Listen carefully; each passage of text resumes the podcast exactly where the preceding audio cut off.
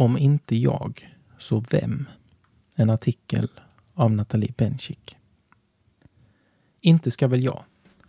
Tanken har kommit till mig många gånger när jag har sett något som jag inte tycker är rätt. När jag har hört ord som varit onödigt formulerade eller när jag känt mig manad att skriva en insändare. Men så ibland dör jantelagen inom mig och jag börjar argumentera med mig själv. Men om inte jag, så vem?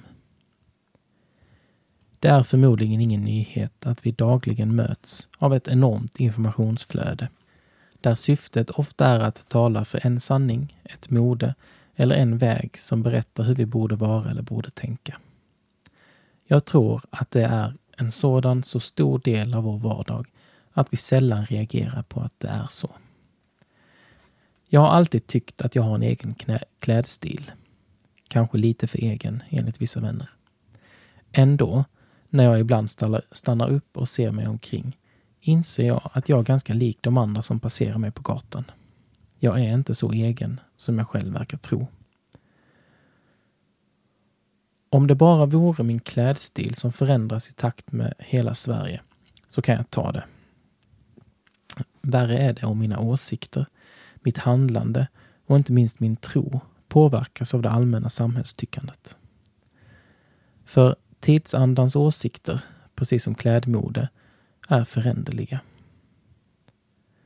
Håll fast i medvind och motvind.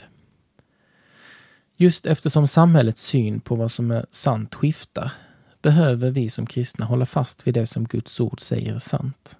För till skillnad från samhällsförändringar är det bestående och evigt. Detta gör att vi som kristna ibland kämpar för exakt samma saker som tidsandan, medan vi andra gånger behöver gå emot strömmen. Förhindra förruttnelsen. Ni är jordens salt. Ni är världens ljus. Dessa välbekanta ord, uttalade av Jesus i bergspredikan, påminner oss om vår funktion som kristna. På samma sätt som saltet motverkar att mat ruttnar är det kristnas uppgift att motverka allt som inte är bra för vårt samhälle, vår natur och vår medmänniska. Exemplen kan göras många. Människor som lever i fattigdom, utsatthet eller ensamhet. Vår natur som på olika sätt misshandlas av människors levnadssätt. Och där även djur stryker med. Kristna som förföljs och rensas ut från vissa områden. Regnskogar som skövlas. Våra mobiltelefoner som orsakar konflikter i Kongo. Övergrepp på kvinnor, barn och män och så vidare. Låt Guds hjärta engagera. Exemplen är inte till för att ge dåligt samvete, utan för att påminna dig och mig om att vi lever i en trasig värld. Men en värld vilken vi är kallade att leva i och påverka, just som ljus och salt. Gör allt för den stad jag har deporterat er till ska blomstra och be till Herren för den. Ty dess välgång är er välgång. Jeremia 29, vers 7, Bibel 2000. För att förenkla det hela handlar det om att ha ett engagemang för det som vi vet att Gud har engagemang och ett hjärta för.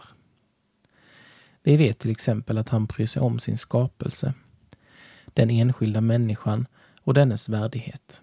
Då är det också vårt ansvar att stå upp för just detta i det samhälle och i den tid vi är satta i.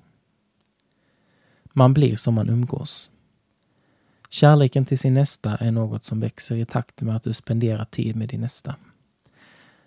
För den du lär känna kommer du också börja känna med. Genom att spendera tid med Jesus kommer du också börja längta efter det som han längtar efter. Man blir som man umgås. Sedan är jag övertygad om att våra hjärtan slår för olika saker, mest på grund av att vi är olika och har olika funktioner att fylla. Bjud på en kopp te. Hur vi älskar och engagerar oss i människor och vår omvärld kan ske på en mängd olika sätt. Det kan handla om engagemang genom en organisation eller ett politiskt parti. Eller att skicka in debattartiklar i tidningar.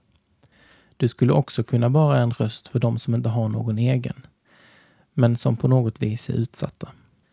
Men framför allt är det kanske så enkelt, eller ska jag säga utmanande, som att mitt i vardagen bjuda över en ensam människa på en kopp te.